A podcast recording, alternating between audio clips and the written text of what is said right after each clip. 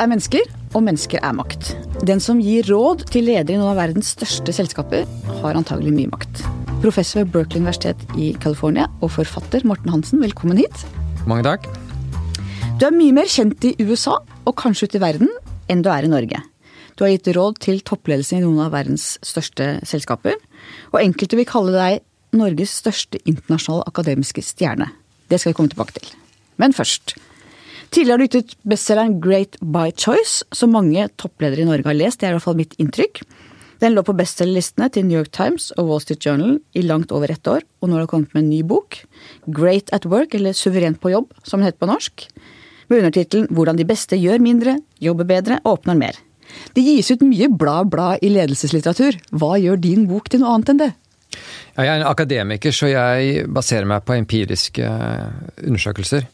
Så alle de bøkene jeg har skrevet, er basert på studier. Og den siste boka her er basert på et studie av 5000 mennesker, arbeidstakere i USA. Både ledere og enkelte arbeidstakere.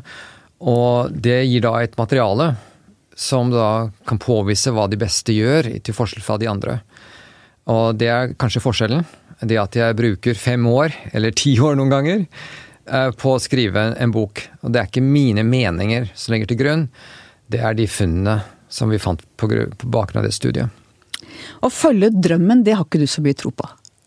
Nei, det er, det er interessant, da, fordi at på alle universiteter, i hvert fall i USA, så er det jo sånn der seremoni når du blir ferdig på universitetet, på mitt også, på Berkeley.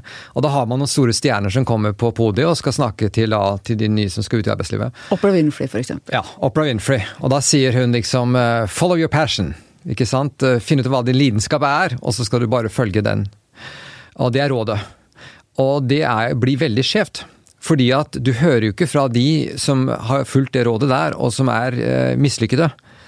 Uh, og det er det jo mange av. Det er kanskje de fleste? Ja, du kan spørre alle disse skuespillerne som er, jobber som eh, på restauranter i Hollywood. Det ble ikke så mye av det. Men det viser seg da med min forskning at det, er, det i seg selv er ikke nok. Eh, og det er jo dette med lidenskap. Det er viktig. Det er en indre motivasjon.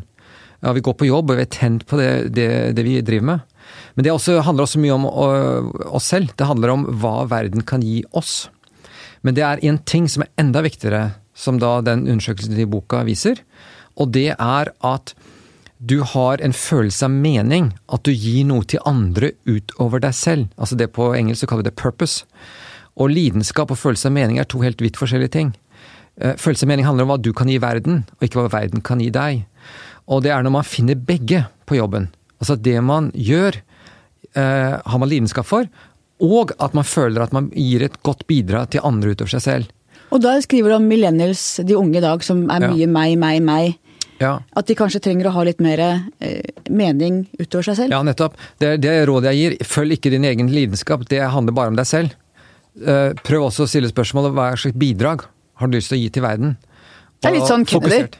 Hva? Det er litt Kennedy. Ja, det er det. Absolutt. Absolutt. Det er, handler ikke om uh, what I can do for you, men det handler om what can you do for the rest of us. Og Boka di er jo ikke bare rettet inn mot toppledere eller mot innovative teknofolk. Du skriver om alle i arbeidslivet, f.eks. fra et sykehjem, hvor det var en medarbeider der som sa 'hvorfor serverer maten halv to'? Mm. Det var et problem med folk var undervektige, ikke godt nok næring, og så flyttet de til halv fire.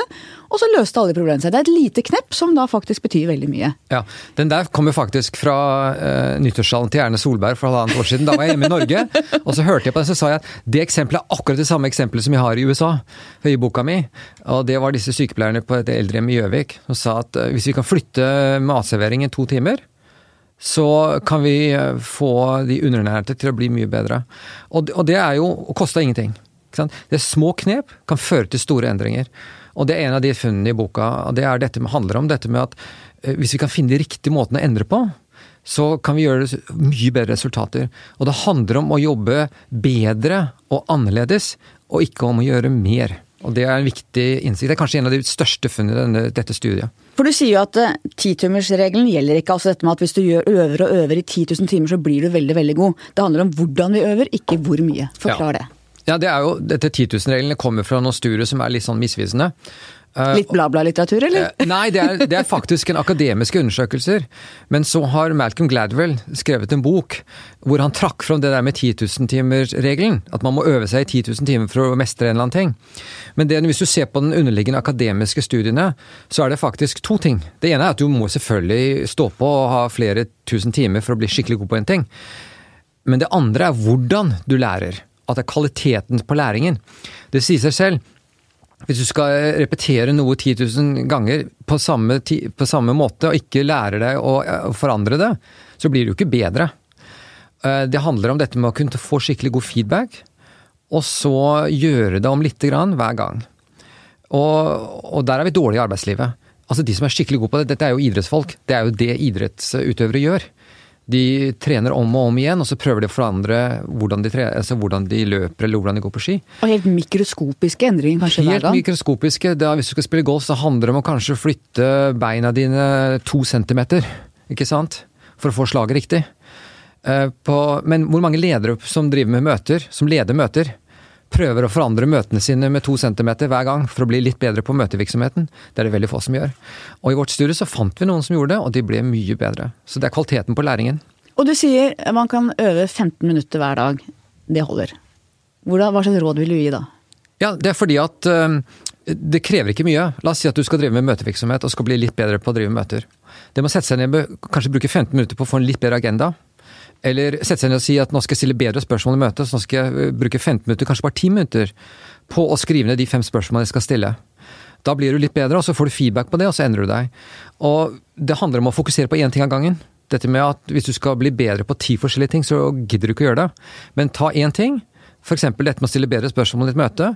Øv på det i fire uker, og så bytte til noe annet. Slik er det det beste blir best. Eh, man måste øve, sier Jan Guillou om det å skrive, f.eks. Mm. Eh, hvordan øver du selv?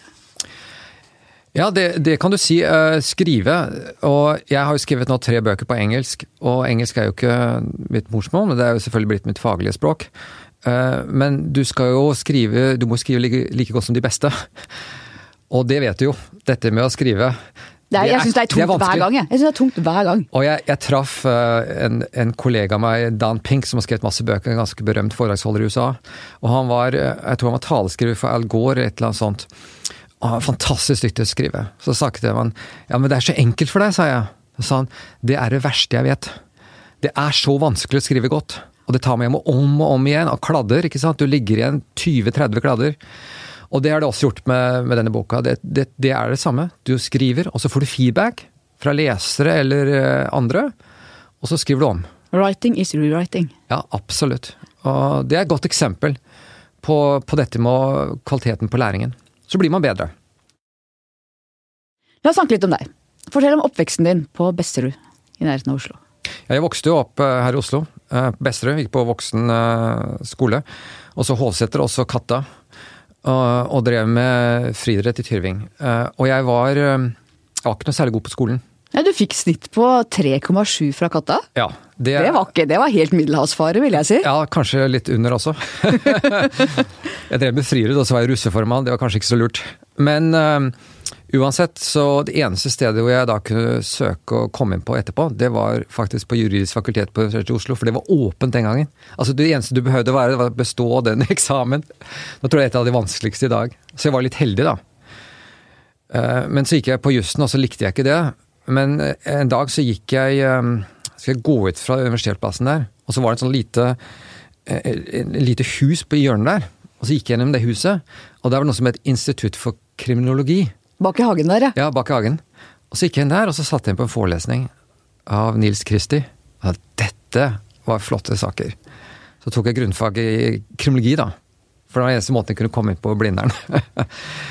så det var liksom min vei. Jeg, det er ikke noe godt råd. da. Altså Rådet mitt er ikke å, å få 3,7. Men eh, jeg fant jo en omvei, da, for å si det sånn. Men ser du barndommen? Moren din, faren din? Ja, min mor var dansk, og hun hadde beholdt sin danske dialekt. Hun slo ikke om til norsk. Så jeg ble kalt Og den gangen uh, så var det litt uvanlig å være dansk. Så jeg ble kalt Danske-Morten. Danske Morten. Danske-Morten, ja. Så det var jo uh, interessant. Men uh, Hva slags type var hun?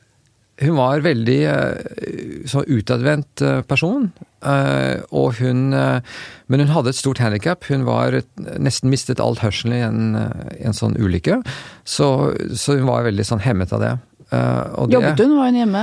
Ja, hun var utdannet lege, men du, hvis du ikke kan høre, så ja. kan du ikke drive med pasienter. Så hun jobbet på, mm, på Rikshospitalet, eller på Universitetet i Oslo, på medisinsk fakultet. Der jobbet hun.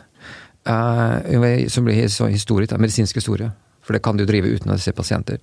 Så hun var akademiker på et vis? Hun så hun var akademiker, ja. Og min, uh, min far han var også han var øyelege på Rikshospitalet. Og så ble min søster ble også lege, så jeg er den, den som ikke klarte det. Hvem av dem ligner du mest på, moren din eller faren din? Jeg tror nok uh, en kombinasjon av begge, faktisk. Ja, det tror jeg. Um, katta, ja. 3,7 i snitt. Det var ikke så mange signaler om en glitrende akademisk karriere i det? Nei, det var det ikke. Men du eh, bestemte deg da for å gjøre noe annet. ikke sant? Det er noe med et valg i årene etter det. Hva var det ja. som skjedde inni deg? Nei, det, Da jeg fant ut av Da jeg begynte på Universitetet i Oslo, så fant jeg ut at du kan ikke holde på sånn. Altså Skal du få til noe i livet, så må du virkelig stå på. Du tok deg sjøl i nakken, ja, rett og slett? Og Fordelen jeg hadde, det var at jeg hadde drevet mye med friidrett. Og med friidrett eller drive med idrett, så er du veldig flink til å sette deg målsettinger, altså mål, og så følger du opp det med en skikkelig plan. Så satte jeg meg mål og med plan, da. Så jeg f.eks. lærte meg til å, å, studere og fokusere på å få til noe. Så, så det gikk ganske bra. Uh, og du ville til Amerika? Ja, så fant jeg ut da at, uh, at jeg måtte ut. Jeg var litt sånn rastløs. Kanskje at moren min var dansk, at jeg følte at jeg måtte ut av Norge. Så jeg sa bare USA, det er der det skjer. Så jeg måtte til USA. Men så uh, dro jeg til USA. Du var ikke så god i engelsk? Nei, så var jeg ikke det heller. Så jeg var dårlig, for jeg hadde jo ikke giddet å studere engelsk på skolen. Så jeg var dårlig i engelsk. Så jeg måtte da gå på sånn uh, kveldskurs her i Oslo utover studiene. Så jeg var to ganger hver Hva heter det? Fritidsundervisning? Friundervisning, ja. Så jeg gikk to ganger om kvelden uh, for å få til det, da. Men så søkte jeg, men jeg var ikke god nok, så jeg husker jeg søkte på universiteter, og da fikk jeg liksom Jeg søkte på University of Hawaii, for jeg tenkte at det må være interessant å være et sted. Det var ikke så godt gjennomtenkt, det heller. Men der kom jeg ikke inn. var for dårlig. Men så fant jeg et godt studie da, i California, uh, og det var veldig bra. Og så uh, tok du kontakt med Stanford, tilbød deg å jobbe gratis som forskningsassistent. Det er, ikke, det er, litt unorsk, egentlig? Ja, det kan du si, men jeg var litt uh, Før det så var jeg faktisk innom litt sånn sidevei. Jeg, etter USA så dro jeg et år og studerte London School Economics i London, og så begynte jeg å jobbe på Boston Consulting Group, og der var jeg tre år ut fra London, og så startet vi Jeg var med på det teamet som startet kontoret her i Norden. Og så sa jeg at nei, nå har jeg lyst til å bli akademiker. Og da tenkte jeg at men jeg vet jo ikke helt hva det er. Men så gjorde jeg, fant jeg ut at de aller beste stedene er jo universitetene i USA. Så da må jeg bare komme inn. Og så tenkte jeg at ja, men da må jeg prøve å finne ut hva det er. Og da ringte jeg med et par eh, professorer på Stanford Business School, og så sa jeg at det dere holder på med, høres innmari spennende ut. Kan jeg komme og jobbe hos dere? Og så tok jeg et år fri fra BCG. Og så sa jeg at jeg jobber gjerne for dere gratis for å finne ut hva dette er. Og det er klart, det ble de jo ganske begeistret over. Men fordelen var at da fikk jeg funnet ut hva, er, hva betyr det å være akademiker. Pluss at jeg fikk også vise meg frem. Slik at jeg kom inn da på det doktorgradsstudiet på Stanford etter det. Og Du har undervist leder i mange selskaper, også i Skipsted, som bl.a. eier VG, der jeg jobber. Og jeg er blant dem som fikk være med på kurset, eh, bl.a. med en ukes intens undervisning i San Francisco. Det var innmari inspirerende. Hvordan syns du det har gått med oss? Jeg syns Schibsted er et veldig spennende um, firma. Først som jeg sier, du sier historisk, så har det vært en bransje som veldig tidlig ble utsatt for det digitale skiftet. Det startet jo kanskje først i mediebransjen, altså med aviser og, og musikk osv. Og, så og den uh, transformasjonen som Schibsted gjorde tidlig, har vært veldig spennende. Mange aviser, det vet jo du bedre enn jeg, har jo gått dukken, og det, særlig i utlandet. Har, de har det veldig vanskelig. Men Schibsted har klart det. Så det er et veldig spennende firma. Men det skjer noe hele tiden. altså Dere får jo konkurrenter hvert eneste år. altså For fire år siden så var ikke Facebook en konkurrent, i dag er de det, osv. Går sånn. Ja, nettopp. Men det er jo øh, spennende. Det, er, det krever omstilling hele tiden. Og jeg tror at um, dere de gjør det veldig bra på det området. Det er ikke enkelt. Det er, ikke enkelt. Det er veldig tøft. Og man må være kontinuerlig i omstilling, og det er en vanskelig. Det er en helt annen måte å tenke på. Eh, Under den norske delen av kurset så foreleste du bl.a. en kveld for oss på dekka Fram på Bygdøy om racet mellom Scott og Amundsen om å nå først fram til Sydpolen. Jeg dro hele den historien da jeg kom hjem på mannen, men jeg syns det var så fascinerende. Fortell om de to gutta og deres lederstil, og suksess versus mangel på suksess.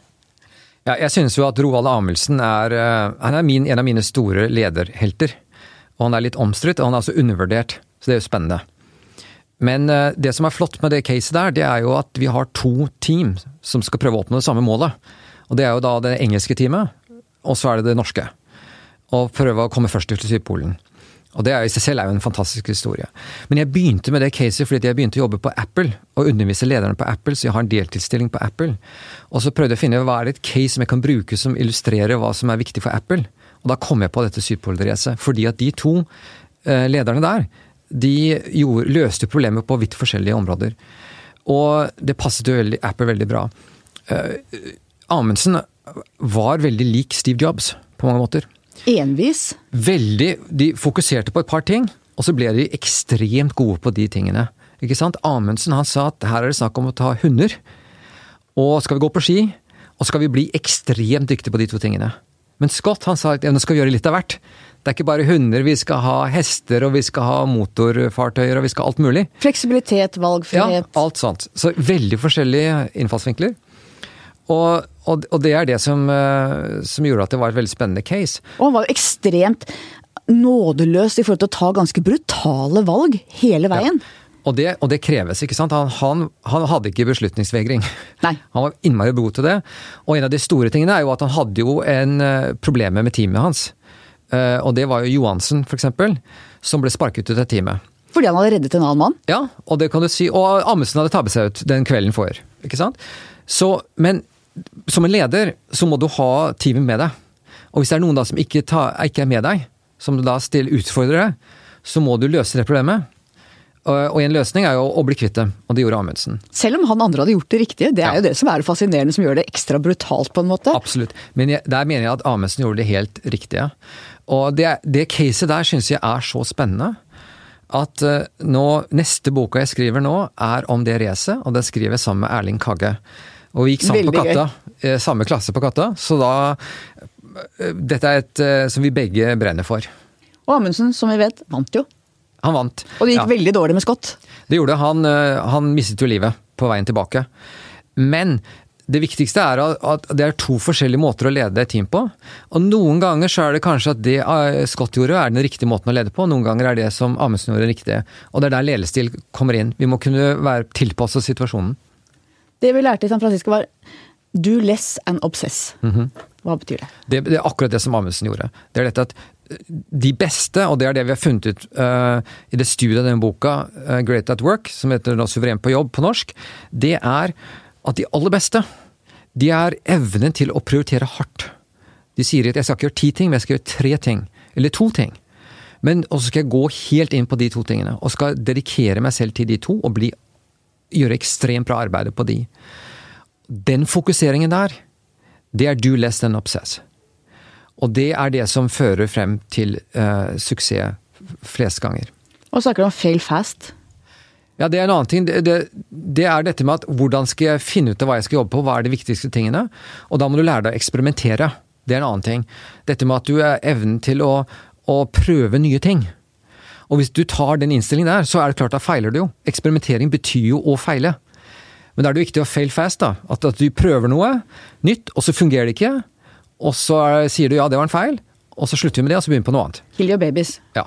Og det, og det Amundsen, ikke sant? Han liksom han kill the dogs. Ja. Men kutte ting, det er jo ikke alltid så lett, da. Nei, det Det krever jo mye.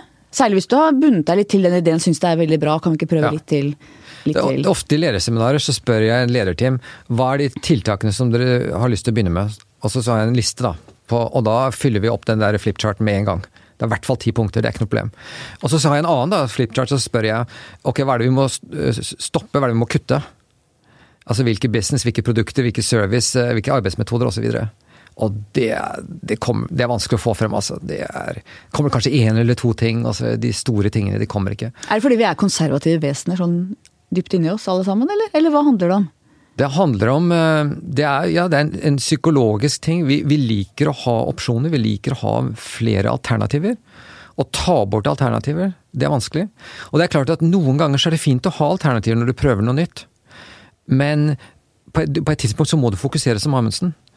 Og da blir det tøft. De som sier at de alltid har det veldig travelt, hva er det et tegn på?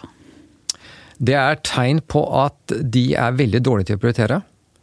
Og så er det tegn på at de bruker den derre uh, slags impression management, vet ikke hva det heter på norsk. Uh, og at de, de, tror at det å være travelt er det samme som å være suksessrik. Og det er sånne mennesker som går rundt og sier at uh, ja, nå går jeg fra møte til møte, og jeg har aldri tid til å snakke med deg, og når du snakker med dem, så ser de rastløse ut, og så snakker de om hvor mange ganger de skal ut og reise og fly på business, og så snakker de om hvor mange bonuspenger de har på SAS osv. Vi kjenner alle noen sånne. Ja, ja. Og så, og så tror de liksom at alle disse tingene her at det er prestasjoner, men det er det jo ikke. Det å fly mye og ha bonuspenger, det er jo ikke en prestasjon. Det er bare en aktivitet. Innmari dyrt, da. Ja, det er veldig dyrt. Men, men, de tror at aktivitet er det samme som å være suksessrik. Og hvis du kan vise aktiviteten, så er du suksessrik. Det er mange sånne i USA. Det er veldig mange. Og det er helt feil. Nemlig, for da kommer vi på forskjellen på å måle aktivitet og verdi. Ja. Fortell om det. Det tror jeg er et av de store funnene i denne boka, 'Suveren på jobb'. Det er at de, uh, mange mennesker de har feil målsetting, og så har de feil uh, målinger som de går etter. Altså Key Performance Indicators. Og de går etter volum. Og det er blitt verre. Vil si at vi måler aktivitet, så det er mange som måler antall møter de er på, eller antall flyreiser, eller antall eh, kundesamtaler, eller antall telefonsamtaler uh, osv. Det, det, det er det som er lett, det er å, måle. å måle. Og Silicon Valley har gjort det enda verre. Så hvis du ser på masse av disse internettfirmaene, de måler aktiviteten av det de holder på med. Så et godt eksempel er YouTube. Deres store indikator, det er hvor mange timer da folk ser på YouTube. Altså hvor mange timer du bruker på YouTube, eller minutter du bruker per dag. Det er en aktivitet. Men det er jo ikke en verdi til kunden det, dette med at du sitter på YouTube og du plutselig har sløst bort tre timer og setter på tullevideoer, det er ikke en verdi. Men det er jo ikke det de måler. Hvordan kunne de målt i YouTube? Ja, det, er, det, er, det som er interessant. Det er at Skal du måle verdi, altså verdi du skaper for de menneskene som bruker ditt produkt, da, YouTube, altså verdien der, det må jo være en slags eh, kvalitetsmessig indikator da, som er vanskelig å måle. Men se på Facebook, f.eks. De har også målt altså hvor mange er på Facebook, og hvor mye tid bruker du. Det, har vært de to indikatorene. Det er aktivitet. Men nå vet vi at vi sløser bort mye tid, og så er vi blitt da avhengig av det. Det er enda verre. Det de skal prøve å måle nå, det er time well spent. Det er vanskelig å måle. Det er, det er mer kvalitetsmessig, men det er jo det som er viktig. Men måling er Altså, alt kan jo ikke måles. Vi får jo ofte det vi måler, men mister det vi ikke kan måle. Mm. Se på resultater og ikke innsats, ikke sant. Men det er jo, som du sier, det er veldig vanskelig å snu det. En god parallell som jeg har vært opptatt av i Norge, er at vi bruker veldig, eller politikerne bruker veldig mye tid på å diskutere budsjett. Kommunebudsjett, statsbudsjett, hvordan skal pengene brukes, mm. antall kroner. Mm. Og veldig lite tid på å diskutere regnskap eller resultater. Og at politikken veldig mm. ofte måles i at jeg har bevilget 100 millioner til dette, istedenfor å si dette kom ut av det. Det er jo en felle på veldig mange områder, da. Jeg syns det er et veldig godt eksempel. Det er, Vi måler eh, de millionene vi bruker, men ikke resultatet av de millionene. Og det er klart at det er det vi må bli bedre på. Og det som vi fant her i studiet, det er jo det folk blir bedre på. Så gi et uh, ganske konkret eksempel fra et av de bedriftene vi studerte. Veldig lite eksempel, men det illustrerer dette veldig godt. Det var en kar som var, uh, han var uh, leder av et lager som skulle sende ut da lastebiler med produkter til kundene som var andre bedrifter. Og han ble målt på om disse lastebilene gikk fra det varehuset, lageret, i tidspunktet som de da hadde lagt opp, det skjemaet de hadde lagt opp til. Og da var han faktisk veldig bra. 99% av de lastebilene gikk ut på riktig tid. Men så spurte de kundene som skulle motta alle disse produktene, eh, om, om, hvordan dette var. Og da var det slik at to tredjedeler av tiden så kom de til tiden, men en tredjedel av tiden så kom de for seint til den tiden da som kunden trengte produktet. Og det er jo et ekstremt dårlig resultat. Men hvis du så på den siste målingen, så var det det som var viktig. Altså, Får, får kundene produktet når de trenger det, eller får de det for seint? Mm. Og da la de om, og da begynte de å måle det siste. Og så la, tok de bort det første målingen, og da la de om prosessene i det, i det lageret der. Og fikk de bedre eh, resultater. Hvis vi tenker sånn, det er en liten omstilling, men med veldig stor betydning. Og det er sånn vi må tenke. Resultat og ikke aktivitet. Og så skriver du om møter, og da ble jeg sånn herregud, møter. Hvordan kan vi få færre og mer effektive møter? Det er utrolig mange møter som er ineffektive, altfor lange og lite utkomme. Jeg tror kanskje det er det, det største forbedringsmaterialet som man har, det er å bli bedre på møter. Eh, det er jo eh, Studiet som vi gjorde, viste jo at folk er veldig dårlige på møter. Og det er andre studier som har vist det samme. Eh, og det første er at vi har altfor mange møter. Vi må kutte ut møtene. Og for det andre så de, var de for lenge. Det er ofte at de er satt til at det skal være en time. Men det kan være en halvtime eller bare 15 minutter. Hvorfor skal møtet være en time? Og så er det altfor mange mennesker på møtene. Hvorfor er det 12-15 stykker som er på møter? Det kan kanskje bare være fem. Um, og det verste med møter, dårlige møter, det er jo at et dårlig møte Da får man ikke gjort Man får ikke diskutert ferdig og besluttet, og det fører jo til Et nytt møte! Et nytt møte. og da snakket vi med flere sjefer i firmaene i USA, og da har de det de kaller sånn tremøteregelen. Altså, vi har ett dårlig møte, og så har vi ett nytt møte, og så tredje møte klarer vi å beslutte det som skal være besluttet i første møte. Kanskje på en halvtime, egentlig. På en halvtime med, med fem mennesker. Men dere foreslår stående møter, dere da? Eller du foreslår det? Ja, det er, det er faktisk forskning på dette her. Det er folk som har eh, eksperimentert med at man står på et møte. Og da varer det mindre tid, folk blir rastløse, og, og særlig de som, de som, plaprer i vei. De blir stoppet ganske fort, for her står jeg, og skal høre på deg. Men så viser det også at beslutningskvaliteten er like bra. Det er jo interessant. Og det er jo nytenkning. Men se på alle møterommene bortover. Da. Helt sikker, her sitter vi i VG-huset, jeg er sikker på hvert eneste møterom så er det bord med stoler. Yes. Men tenk hvis man da hadde et bord som da var heist opp, som man på en måte stå. Kanskje det blir bedre? Det er en god plan. Og så snakker du om å dyrke uenighet. Hvordan gjør man det? Ja. Du, her tror jeg faktisk at uh, i Norge så er man ikke så dyktig på dette her. Det, vi skal ha et møte som er et diskusjonsmøte, og man skal ta viktige beslutninger. Så er det aller viktigste at man har en skikkelig grundig diskusjon. Det betyr at man må ha lov til å være uenige, og si det som er upopulært. Og kunne utfordre hverandre. At jeg kan si 'Hanne, jeg er helt uenig i hva du sier, og her er mitt grunnlag for det'. At, ikke, at, jeg kan si det på en skikkelig måte. At jeg tør å si det. At miljøet i møtet er slik at jeg kan si det. At jeg tåler det. Og at du tåler det. Og hvis vi ikke gjør det, så tar vi de gale beslutningene, og så blir det feil. Men hvorfor er det sånn mer i Norge, tror du? Jeg tror, og Her er ikke noe forskning, da, så dette blir jo litt sånn min egen oppfatning. Jeg tror man prøver å være for snille. At man, man er litt sånn konfliktsky. Og så tror jeg at man uh, skal prøve å være for demokratiske. Så det man trenger, er å være skikkelig uenige. Og så må man være beslutningsdyktige og ikke, og ikke eh, vergre seg for å ta beslutninger. Og der tror jeg konsensus er uh, veldig ofte en fiende. Det at man, man søker konsensus for enhver tid. Og da tør man jo ikke å ta de store uenighetene. Og så prøver man å bli enige uten at man har hatt den store uenigheten. Og så man, har man da en gal beslutning. Ja, For da ligger uenigheten og putrer under, og så får du omkamper. Og så ja, får du og det som skjer da, er at hvis jeg ikke har klart å, å få frem mine synspunkter, og så tar, blir en beslutning tatt, da tar jeg prøver å undergrave det etterpå. Så få alt opp på bordet, ja. ta en real fight og still deg bak beslutningen etterpå. Det er det som er den beste måten å gjøre det på. Og det, de, de, firmaene som har det der, de, de, tar bedre beslutninger, og så tar de det raskere. Vi var inne på det at det tar jo ikke to måneder å ta en beslutning. Det kan gjøres på en uke. Jeg hadde Hydro-sjefen her for en stund siden, Brandtzæg, som har et veldig anstrengt forhold til powerpoints til foiler. Så ikke mer enn to foiler. Det er jo i Skipsted, det kan jeg bare si, der er det altså et powerpoint eh, powerpoint-helvete, skal jeg nær sagt. Altså det er så mange foiler, så mange powerpoints. Er det som regel for mye av den type liksom, prestasjoner med masse powerpoints, og for lite da reelle diskusjoner og gode spørsmål underveis? Ja, det er et veldig godt poeng. Og der er jo ikke dere alene om det. Jeg vil jo tro at 90% av firmaet bortover har altfor mange powerpoints. Og hvorfor er man så forelska i det?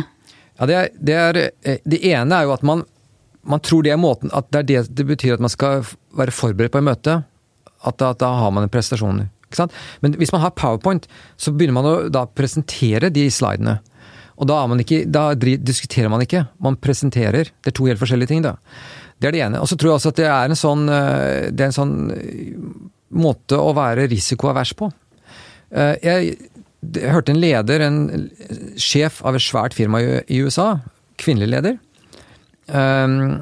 hun sa at på hvert møte hun er på, så forlanger hun å få de powerpointene før møtet, og så leser hun dem, og så er det ikke lov å presentere dem. Så skal man diskutere slidene. Helt annen måte å gjøre det på. Det da får man diskusjon. ja. Og da kvinnelige ledere, er vi på mangfold. Hva ligger i mangfold, sånn som du ser? Vi har diskutert dette før, kvinnelige ledere i Skipsted f.eks. Ja, så jeg har eh, Så denne boka, dette studiet her, det handler om hva Hvorfor presterer de beste best? Eh, det er det eneste spørsmålet. Eh, og vi snakket om å ha grundige diskusjoner. Hvis du skal ha en grundig diskusjon, så kan du ikke ha fem personer i et møterom, eller ti personer, som har den samme bakgrunnen, sitter på den samme informasjonen, tenker på samme måte.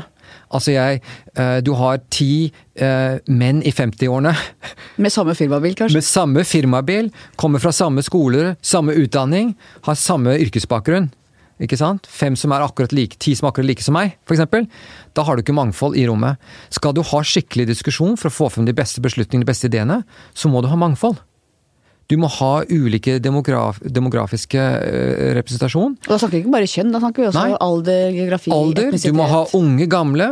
Skal du sitte og lage et produkt for, uh, for, kundene, så må du ha millennials som sitter i beslutningen. Du kan ikke bare ha folk som er over 50. Eh, du må ha forskjellige etniske bakgrunner osv. Folk som har forskjellig informasjon, perspektiver. Det er da du får frem de gode ideene eller, eller de store motsetningene som skaper enda bedre ideer. Så hvis du ikke har mangfold, så klarer du ikke å få frem de gode ideene og de gode beslutningene. Så det er jo et, det er et grunnlag for å prestere bedre.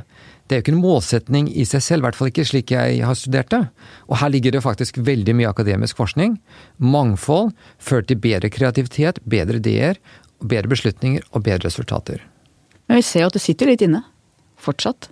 Ja, ikke bare litt. Altså, jeg jobber jo mesteparten av tiden min i Silicon Valley. Og det er jo et sted hvor det er veldig dårlig med mangfold. Særlig når det gjelder da kvinner og menn. Altså kvinner inn i de tekniske sidene av eh, teknologiske sidene. Veldig dårlig. Og, og, der jobbes det Jeg vil si at det er blitt bedre, men det tar så lang tid. Og så skriver du om samarbeid. Det kan være både for mye og for lite samarbeid. Hva mener du med det? Ja, det var jo en av overraskelsene i, i disse studiene, og det var jo at um, Samarbeid har jo vært liksom en sånn god idé. Jo mer samarbeid vi har, jo, jo mer Jo mer vi er sammen, ikke sant? Ja. Og jo bedre gjør vi det, så da har vi liksom drevet og promotert samarbeid.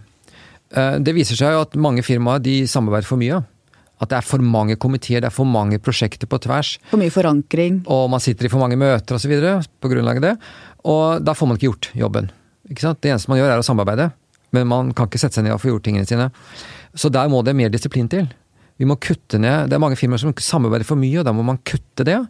Og så er det selvfølgelig noen som samarbeider for lite. Man, da, man sitter i disse siloene, og da må man da evne til å bli bedre på det.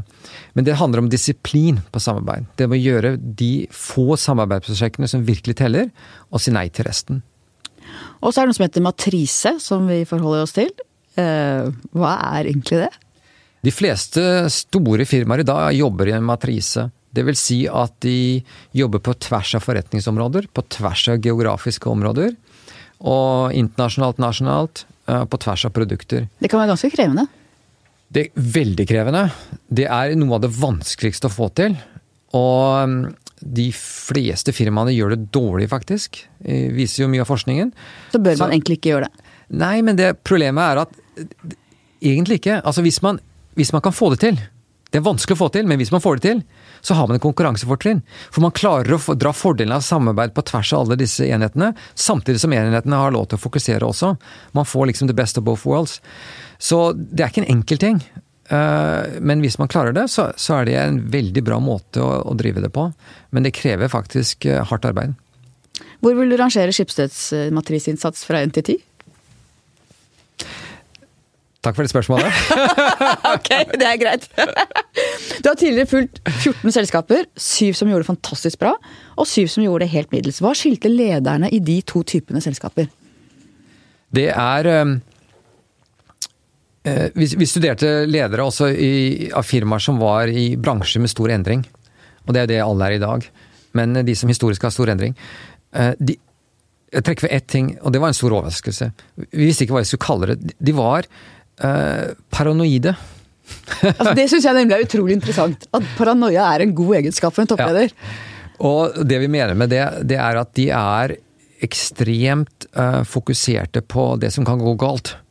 hva, hvem er det som er ute etter å ta oss, hvem er det som kan komme etter oss, uh, hvordan, og hva skal vi gjøre? Så vi kalte det produktiv paranoia, for å skille mellom uh, galskap og, og, det som er gunstig. Men hele tiden bekymra? Men hele tiden bekymret over hva som kan gå galt. Og det er jo, når det er så, så mye endring i de, kanskje alle sektorer i dag i arbeidslivet, så må man være påpasselig på hva som kan skje, og hva som kan gå dårlig. Og hvilke konkurrenter som kan komme inn og ta markedsandeler.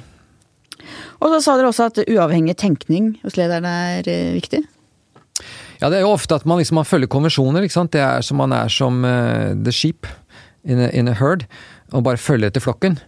Og det som kreves er uavhengig tenkning.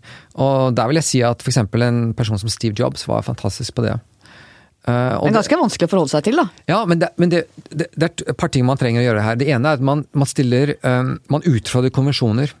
Hvorfor gjør vi det slik? Altså Han som la om rutinene der i aldershjemmet. Hvorfor serverer vi middag klokka tre? Ikke sant? Uh, hvorfor uh, Et av studiene, et av eksemplene i boka, det jo, handler jo om en rektor på en skole. Altså, hvorfor sender vi elevene hjem med lekser? Og læreren så jo på han sa hva slags spørsmål er det?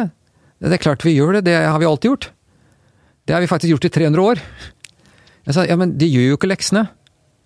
Vi må jo legge om hva vi driver med. Det er å stille dumme spørsmål og utfordre konvensjonene. Dumme spørsmål er aldri feil. Det, det, er faktisk. Og der Folk er redde for å stille dumme spørsmål. Men det er et av de viktigste tingene hvis du skal utfordre det, liksom, konvensjonene. Og så hadde de en fanatisk disiplin. Hva ligger i det? Det ligger eh, i, i, dette, det er Amundsen, og tilbake til Amundsen. Dette med at man skal jobbe skikkelig hardt for å oppnå resultater på kort tid og lang tid, og man, man er fanatisk når det gjelder å gjennomføre ting. Uh, Amundsen var jo ekstremt viktig på at hver eneste dag så skal vi gå ca. 15-20 km. Og gode dager så skal vi ikke gå lengre, for vi skal, ha, vi skal passe på at vi ikke går for mye. Og dårlige dager så skal vi i hvert fall gå 5-10 km. Så hver eneste dag så skal vi gå. Og når det kom liksom til det stadiet hvor de måtte drepe hundene, det var jo planen, det var kanskje en av de vanskeligste tingene å gjøre. Og da å ta den handlingen eh, istedenfor å, å ikke gjøre det.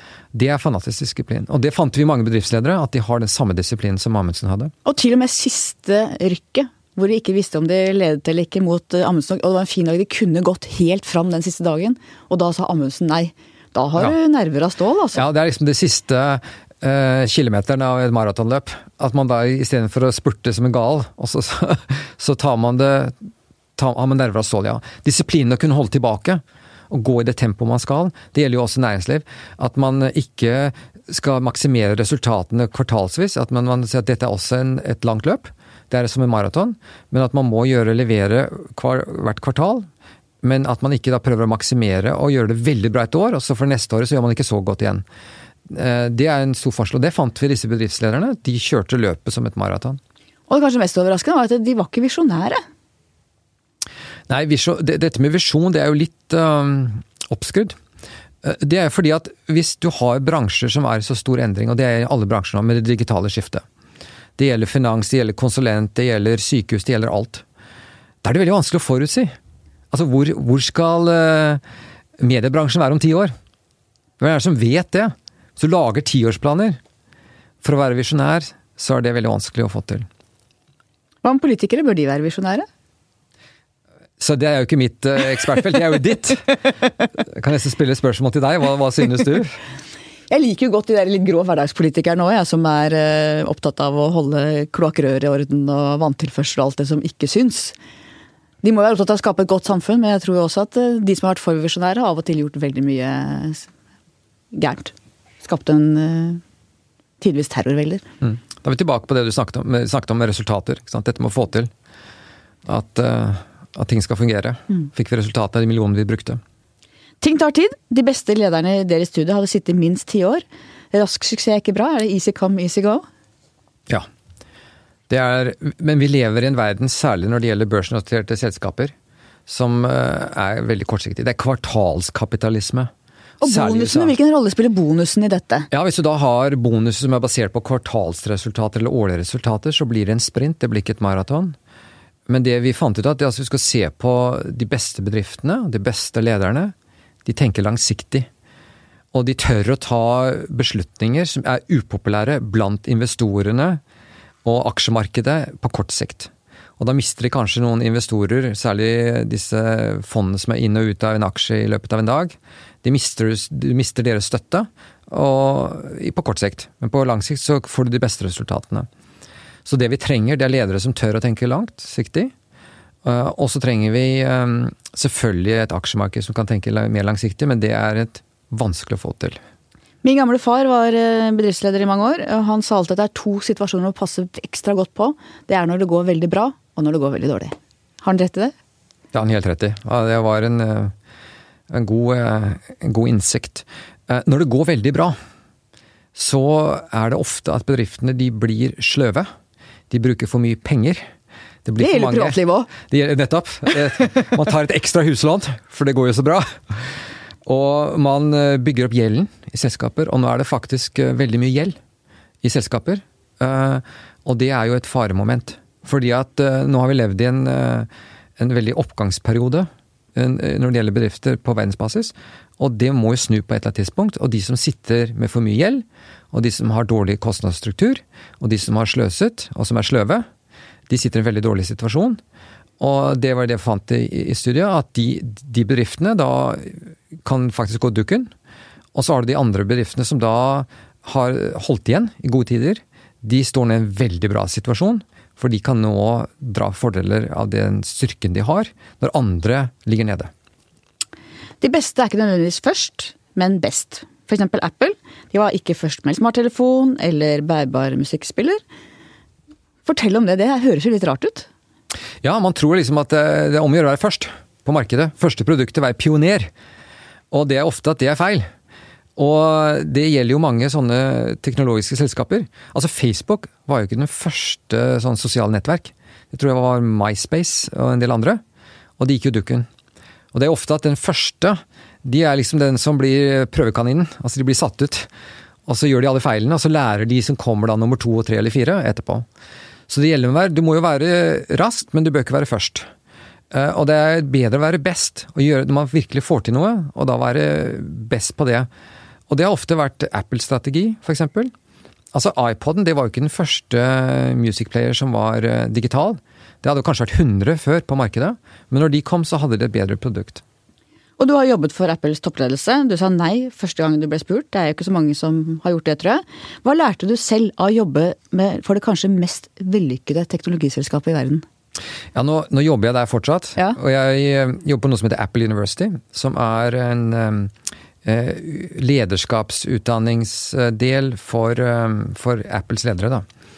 Så det er ikke så mye jeg kan si om det. Men det har vært utrolig interessant fordi at uh, du kommer på innsiden av et veldig spennende firma.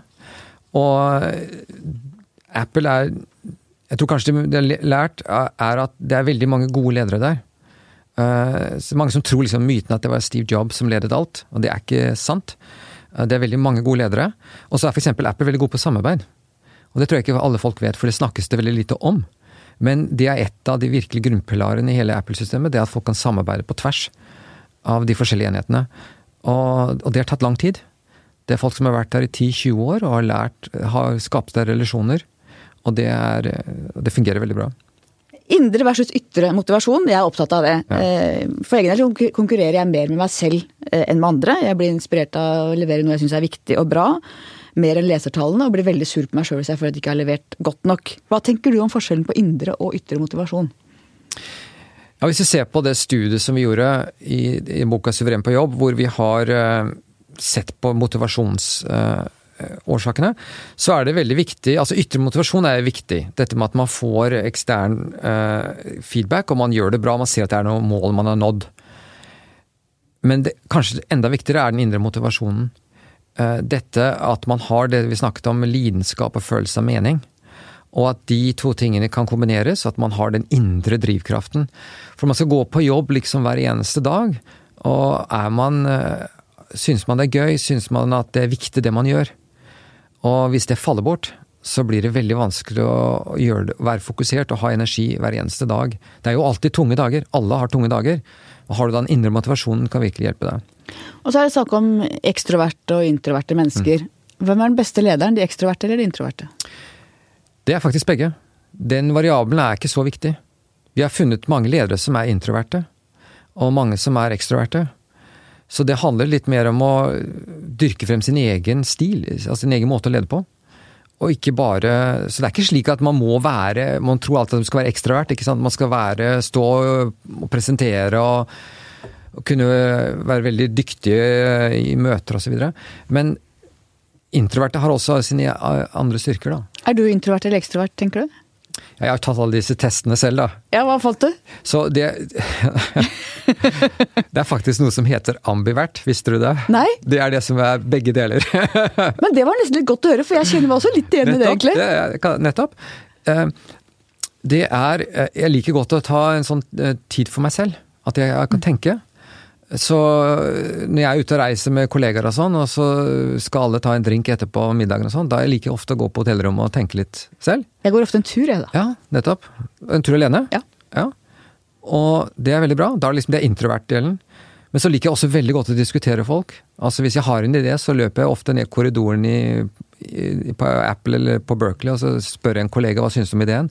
Og det er jo å være ekstrovert. Du liker godt å å, ha disse diskusjonene eller relasjonene med andre.